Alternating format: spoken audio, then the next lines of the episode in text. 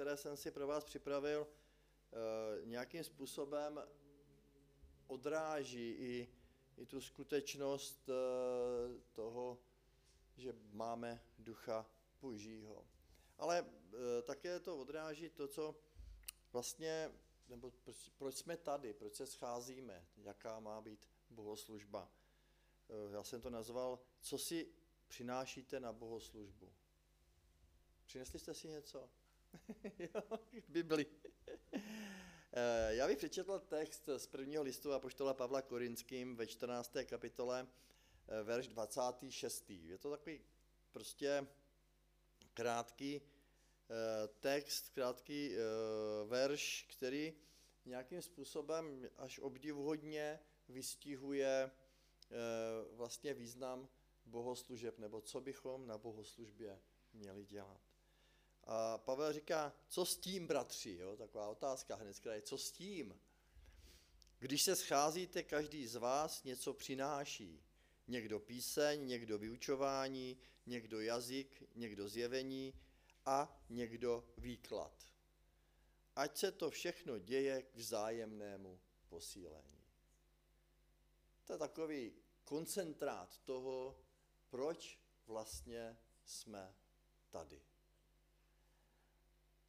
Myslím, že se nám každému stalo, že jsme někam měli jít a nevěděli si, co sebou. Že jo? Nejkrásnější je, když jedete na dovolenou a máte se zabalit. Jeden můj kamarád, eh, bratr Petr Bartoš, někteří ho znáte, víte, o kom mluvím, mi vyprávěl, že když se vzali s manželkou, že měli Trabanta. A když šli na dovolenou, tak eh, celé to auto bylo úplně narvané vším možným a spali to, kde se dalo. A potom se mu podařilo sehnat Volhu, Volhu kombi. Velké auto, jestli vy jste, vy co znáte, staré, starou Volhu kombi, to je taková skoro dodávka, by člověk řekl. Říká, když jsme jeli na dovolenou, tak jsme jeli úplně narvaní a nevěděli jsme, kam co všechno máme dát. Prostě nezáleží na tom, kolik prostoru máte, ale vždycky ho vyplníte. Proč? Protože často nevíte, co vás čeká. A nebo když jdete na, na nějakou oslavu, tak někdy je také těžké odhadnout, jaký dárek pro hostitele vzít. Že jo? Přemýšlíte, co, co udělat. A tak eh, se nám někdy stane, že, že jsme zdrojem nějakých trapných situací, že něco neodhadneme. Nebudeme na slavnost a dojdeme tam špatně oblečení, protože jsme neodhadli tu danou příležitost. Ono vůbec naše oblečení nebo vybavení, to, co si bereme, ukazuje na to, co vlastně od toho setkání, od té návštěvy očekáváme.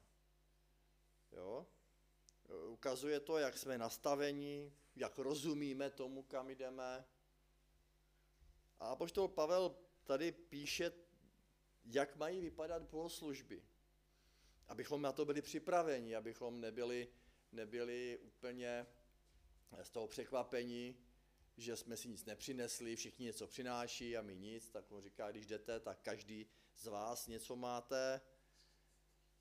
Jo.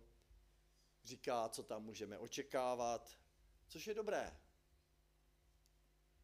Vůbec eh, prvotní církev, když se scházela, tak eh, taková klíčová věc, která tam byla, byl duch svatý. Očekávali na ducha Božího. Očekávali, že Duch Svatý bude pracovat. Když se člověk eh, stane křesťanem, ještě mnohým věcem nerozumí, tak eh, se ptá, co je ten správný křesťanský život, jak to mám žít. A tak pozoruje. Pozoruje církev, do které chodí, čte si Bibli, pak to porovnává, a mnoho lidí mi řeklo, no já chci žít, jako žila prvotní církev. Což je krásná věc, ale já bych vám to chtěl trošku rozmluvit. Nechtějte žít jako prvotní církev, protože ta se učila, to byla, ta byla na začátku, bylo to sice krásný, měli ducha božího a, a vše děli se divy a zázraky a my na to teď jako se tak díváme úžasně a, a říkáme, kež by to bylo i u nás takové hezké, jo. A pak si čteme, jak Pavel v Korinským, že jo, je tam peskuje a říká, co vy to děláte, nebo galackým, jako jo, vy, galačtí pošetili, co jste to udělali a tak dále. Eh, takže prosím vás, ne, nechtějme být úplně bez uh, té kritiky nebo bez toho správného postoje vůči prvotní církvi. Ale to, co jsem už tady několikrát zmínil, byla, že plná, byla plná ducha božího a ohně, plná boží moci. To z toho, jak si vyčteme, že jo? Vyčteme z toho, co se tam odehrávalo. A musíme si ale uvědomit, že ten děj, který tam čteme, je napsán třeba na dvou, třech e, řádcích, se odehrával 40 let, jako jo. Takže ono to, že jo, když my čteme a máme pocit, že první jeruzalémský koncil byl někdy velmi rychlé a ono to bylo za spoustu, spoustu let, že jo, a, a, a tak to nebylo tak, jak to často vnímáme. Ale určitě kniha skutku je pro nás inspirativní pro přemýšlení, jak vlastně má vypadat bohoslužba. Protože my podvědomě chceme to nějak navodit. Řekněme si to na rovinu, hledáme systém a způsob, jak to probuzení vyburcovat. Jak to udělat. Jak to udělat, aby lidi přicházeli, aby byli plní moci a, a pokání, aby bylo a tak jako hledáme. My lidé jsme takoví, že hledáme systém, hledáme způsob. Jo, a to bude ve formě chvál, bude to určitě ve formě kázání, bude to v tom či onom. A já si myslím, že to v tom vůbec není. Protože učedníci čekali, modlili se intenzivně a čekali deset dní, než došel Duch Svatý. Že jo. Také, také nehledali úplně ten systém, nemohli úplně nastavit to, co by chtěli možná. Nevěděli ani, co očekávat.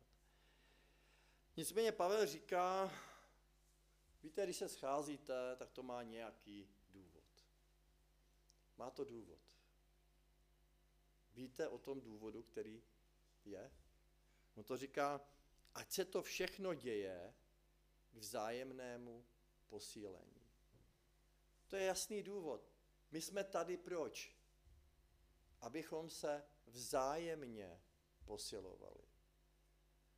My tady nejsme od toho, já jsem si to přišel užít. Kolikrát jsem slyšel z úst křesťanů, já jsem si to neužil. Ty chvály stály za houby, já jsem si to neužil. A to je v pořádku, ty si tam nemáš co užívat. Ty nechodíš na bohoslužbu, aby si to užil. Já používám teď slova, vy, co jste znali bratra Rudka, tak to byly jeho, jeho jasná slova, říká, ty tam nechodíš kvůli tomu, aby si to užil. Ty jsi tam proto, aby si sloužil. Abyste pomohl vzájemnému posílení. To je to, co nám říká Boží slovo. My jsme tady, abychom se vzájemně posilovali. Proto když tu nejsi, tak těm druhým něco chybí. Protože ty je máš posilovat. A když tam ten někdo tady není, no tak prostě nám to chybí, že jo? Nám tady teď někde, někteří chybí protože nás vzájemně neposilují. Jo? A to je, to je ten důvod, proč se scházíme. Ať se to všechno děje k vzájemnému posílení. To, co tam Pavel zmiňuje jako první věc, že jo, říká, každý, když se scházíte, něco má, něco přináší, někdo píseň. Jo, jako, že ono to je, přinesli jste si píseň? přinesli, tady naši hudebníci hráli. Uh, Bible je plná výzev k uctívání Boha skrze písně. Podívejte se na starý zákon, podívejte se na žalmy, hudební nástroje. Prostě používat hudební nástroje, prostě zpívat, uctívat ve chvalách. A ono se nám to tak trošku nějak za poslední leta zcvrklo do nějaké eh, skupinky, dva, tři lidi vepředu, že jo, eh, moderní vybavení, kytara, jo, bubny, já nevím co všechno. A já to mám rád, jako jo, ale, ale to je málo, že ostatní sedí a, a poslouchají, jako by byli na koncertu. Já jsem eh, několikrát eh, se bavil s různými chváliči. Jednak u nás ve sboru jsem to říkal, když jsem ještě byl, ale i tak říkám, když chcete chválit, tak prosím vás tam vynechejte ty kudrlinky a ty vybrnkávačky, protože to lidi odradí od zpěvu. Musíte zpívat tak, jak bych řekl, jako u táboráku. Tak jo, prostě, aby se lidé zapojili, tak to musí být něco, teď řeknu, úplně obyčejného. Aby jsme vtahli ty lidi do toho zpěvu, do té chvály. A proč? Protože Bible nás k tomu mnohokrát vyzývá. Spívejte hospodinu. A dokonce říká, zpívejte hospodinu píseň novou. Jo. To znamená, že v našich srdcích má něco znít. Když přicházíme na bohoslužbu, tak by něco v našich srdcích mělo znít. Chvála hospodinu. Díku vzdání. Jo, prostě známe ten e, verš z Žalmu 122, když David říká, zaradoval jsem se, když mi řekli, půjdeme do hospodinova domu a naše nohy již stojí ve tvých branách Jeruzaléma. Zaradoval jsem se, když mi řekli, pojďme na bohoslužbu. Zaradoval jsem se. To je ta píseň v nás, ta radost. Jo. Ta nová píseň, to je něco nového, jo? Prostě nebudeme chodit na bohoslužbu s těmi starými věcmi z minulého týdne. My máme novou zkušenost nového týdne a tak chceme vzdát chválu hospodinu novým způsobem. Protože jsme zakusili nové věci tento týden.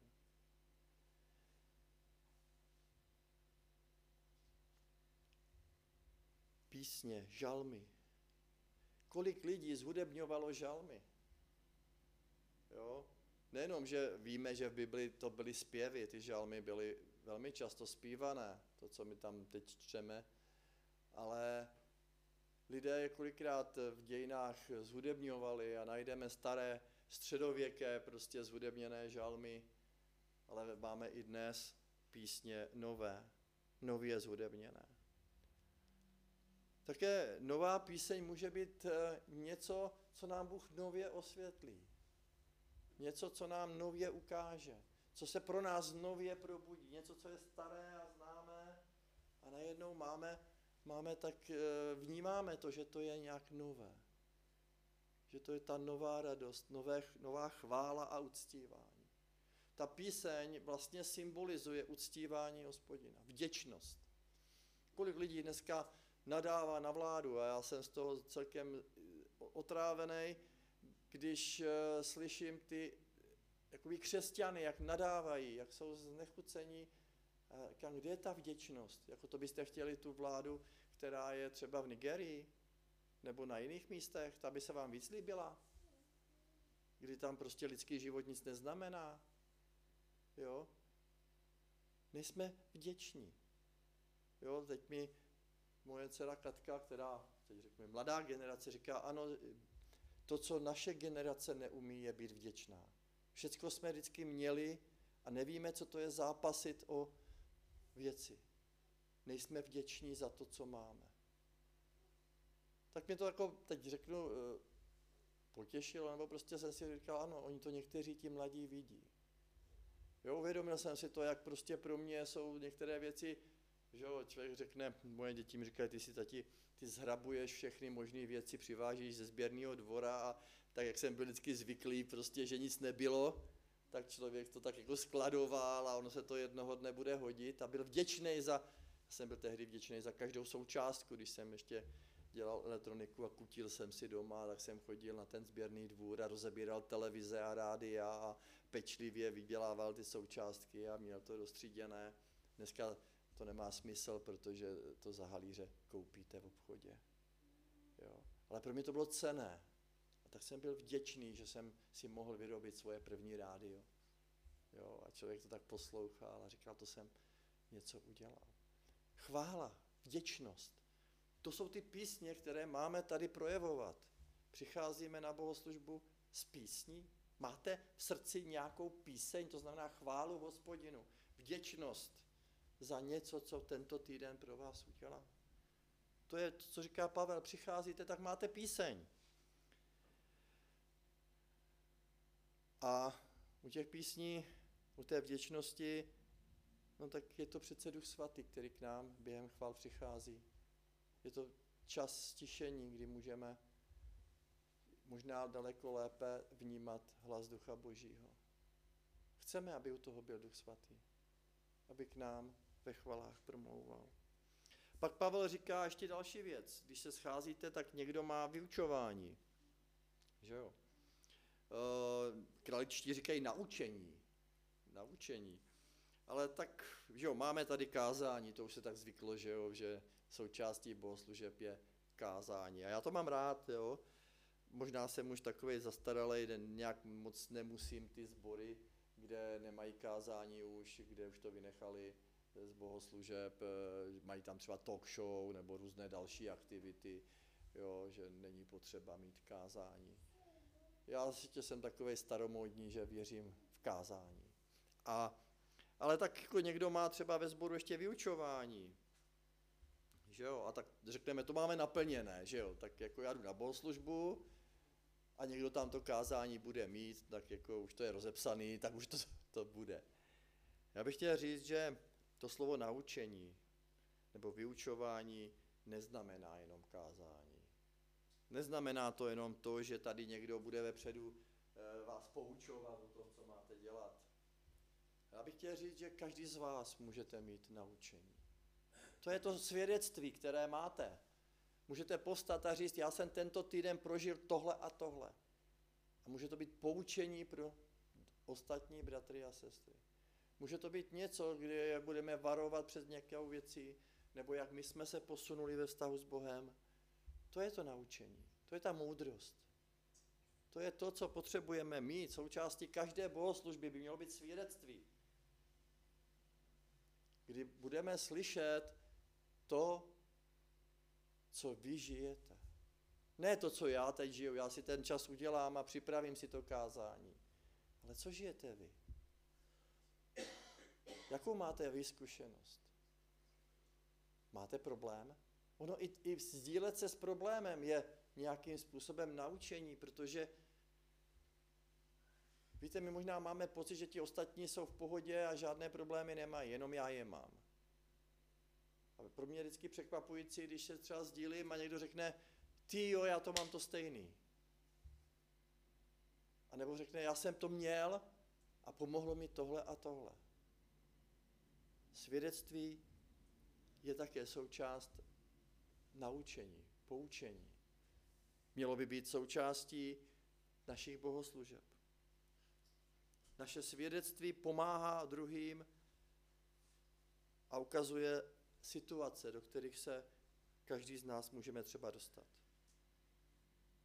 A poštol Pavel v Korinském, že jo, taky říká, o tom i mluvíme ne tak, jak nás naučila lidská moudrost, ale jak nás naučil duch. A duchovní věci vykládáme slovy ducha. To je to. Že potřebujeme spolehat na ducha svatého, abychom ty duchovní věci vnímali duchovním pohledem, skrze ducha svatého.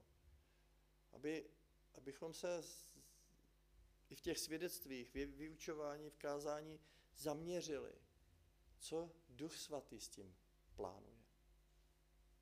Protože naše pohledy jsou často lidské. Ano, my můžeme vykládat písmo lidským způsobem, anebo také podle Božího ducha. Protože také čteme, že veškeré písmo pochází z Božího ducha. A je dobré k učení, k usvědčování, k nápravě a k výchově ve spravedlnosti. Tedy, když pochází z Božího ducha, kdo lépe tam to vysvětlí, než duch svatý. My ho potřebujeme. Potřebujeme, když třeba posloucháme kázání, abychom se modlili Duchu Svatý, co tím chceš říct? Co tím chceš říct mě do mého života? Co si z toho můžu vzít? A nebo když máme svědectví, prosím vás, to není o tom, abychom eh, říkali, jak jsme dobří, že se nám to povedlo. Ale abychom vnímali, co Duch Svatý v tom chtěl říct. Takže jeli Boží slovo z ducha božího, pak jediný správný výklad dodává zase duch svatý, že jo. To je jednoduché. A my potřebujeme ducha svatého, abychom skrze boží slovo mohli sloužit druhým. Protože lidé se obrátí na základě slova, které řekneme. Jak si mohou uvěřit, když jim to nikdo neřekne? A my jim to musíme říct, že jo, my jsme povoláni. A k tomu je potřeba, abychom to vnímali tak, jak říká Duch Svatý. No a třetí část, kterou eh, Pavel zmiňuje, kromě tedy, jak jsem zmiňoval, je, jsou chvály, kázání či vyučování, a tak říká, někdo má jazyk, zjevení, někdo výklad. Co to je? Jsou napřirozené duchovní dary. Očekáváme, že budeme mít duchovní dary? Já teď netvrdím, že musí být na každé bohoslužbě úplně všechno tohle. Já netvrdím, že e, prostě je to úplně nutné, protože pak e, jsem viděl, jak lidé do toho dávají své emoce a, a, a všechno, všechno to, co cítí, považují za hlas Ducha Božího a vznikají z toho takové různé nesmyslné věci, protože ne všechno to, co prožíváme, to, co cítíme, je z Ducha Božího, že bychom řekli. Není to žádné zjevení, to, co máme nějakou představu. Jo? Já si vzpomínám, jak jeden bratr nám rozmlátil nábytek eh, v modlitebně a tvrdil, že ho to k tomu vedl Duch Svatý. Jo? A já jsem jako nechápal, jako co, se, co se děje a, a on říkal, jako prostě, že to tak prožil. No, tak prožil hněv, že jo, měl, tam bych řekl, nedostatečné sebeovládání, ale, ale, ale prostě vydával to, prostě, jo, ještě mě vynadal, jako kdyby zvěděl, jak jdu svatý, jako jo, ještě byl takový jako agresivní v tom. Já říkám, ne, ne, to byly tvoje pocity a ty se směl ovládat. No, tak potom jsem chtěl, aby to zaplatil. Jo. No, e, takže prosím vás, ano, duchovní projevy jsou důležité. A k čemu máme ty duchovní projevy? Pavel to říká zase na jiném místě, když ale budou všichni prorokovat a přijde někdo nevěřící nebo nezasvěcený, bude tím vším přesvědčován a usvědčován. Až vyjde najevo, co skrývá srdci, padne na kolena, pokloní se Bohu a vyzná opravdu, Bůh je mezi vámi. K čemu slouží proroctví? Tady Pavel říká jednoznačně k evangelizaci. Ne k tomu, abyste se vytahovali, já mám dal proroctví. Ne k tomu, abychom eh, se eh, usilovali o nějaké vědět něco, co je do budoucna a k čemu nás Bůh povolává a tak dále. Jo? Když to taky může být, ale Pavel říká jasně, duchovní dary nejsou proto, abychom si říkali, jak jsme my duchovní. Nejsou od toho, abychom stáli vepředu a ukazovali se těm druhým a říkali, jak jsme opravdu bor, duchovní borci. Jo? A někdy jsem měl takový jako pocit, já jsem eh, se setkal s lidmi, kteří byli hodně, hodně otrávení eh, z duchovních darů, protože se to hodně zdůrazňovalo, oni byli už fakt z toho úplně znechucení a když se dozvěděli, že jsem letniční, tak eh, ode mě dávali téměř ruce pryč. A tak jsem se jim snažil vysvětlit, jak to vnímám já. Že duchovní dary nejsou od toho, aby jsem se s nimi chlubil. Teď říkám, představte si, že někdo dostane vrtačku a, a k čemu jí má? No, aby, aby pracovala, aby vrtala, že jo? Aby dělala to, co má. A ne, aby chodil a brm, brm, brm, brm, já mám vrtačku, brm, brm, podívejte se na tu vrtačku, brm, brm. Ne, já ji mám k tomu, aby šla a udělala práci. Pokud mám duchovní dary, tak je mám k tomu, aby, abych jimi sloužil tam, kde mají sloužit. A ne, abych říkal, podívejte se, a mám dar výkladu. Ale ptám se, kolik lidí se obrátilo skrze tu tvoji službu. Komu si jak pomohl. Jo? Pavel to zhrnuje na více místech, říká, všechny tahle obdarování, všechny tyhle věci mají sloužit jedné nebo jednomu cíli. A to je vzájemnému budování. K vzájemnému budování. To znamená společně. To je, že jsme společně. A k tomu samozřejmě potřebujeme vedení a moudrost Ducha Božího. Jednou jsem četl takový příběh, jak jeden čínský pastor byl ve Spojených státech a provázeli ho po různých zborech a na konci dostal takovou otázku, jak se mu to všechno líbilo, jo? A on tak jako se zamyslel a říká, obdivuji, obdivuji vás, kolik toho jste schopni udělat bez Ducha Svatého. Kolik jste toho schopni udělat bez Ducha Svatého? Ano, my můžeme mít spoustu aktivit, ale to, co potřebujeme, je, aby vše, ve všech těch aspektech té naší bohoslužby, které tady máme, a já bych řekl, že všechny tady v podstatě nějakým způsobem jsou zastoupené. Jo, máme nějaké chvály, máme kázání, vyučování, jsou tady i projevy e, duchovních darů, ale je potřeba, aby to bylo všechno vedené poddané Duchu Svatému.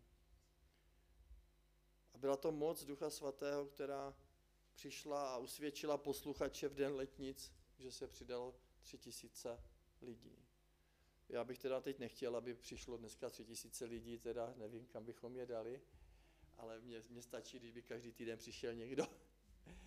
ale, ale je potřeba, abychom očekávali. Abychom očekávali a abychom také přemýšleli o vzájemné službě. Protože celými dějinami a celým lidstvem se eh, je napětí ve dvou věcech. Soukromé a společné. Jo? Lidé řeknou, jakou barvu si dám na svůj dům, je přece moje věc. Je to můj dům, já si tam dávám to, ale ve chvíli, je to venkovní fasáda, pak je to věc veřejná. Pak tím ovlivňují lidi kolem, kteří jdou a řeknou, to se mi líbí nebo to se mi nelíbí. Jo? Architekti se také dohadují, jak, jak udělat ty domy, protože člověk vevnitř, to je to soukromé a chce tam mít hodně světla, chce to mít nějak udělané ten člověk.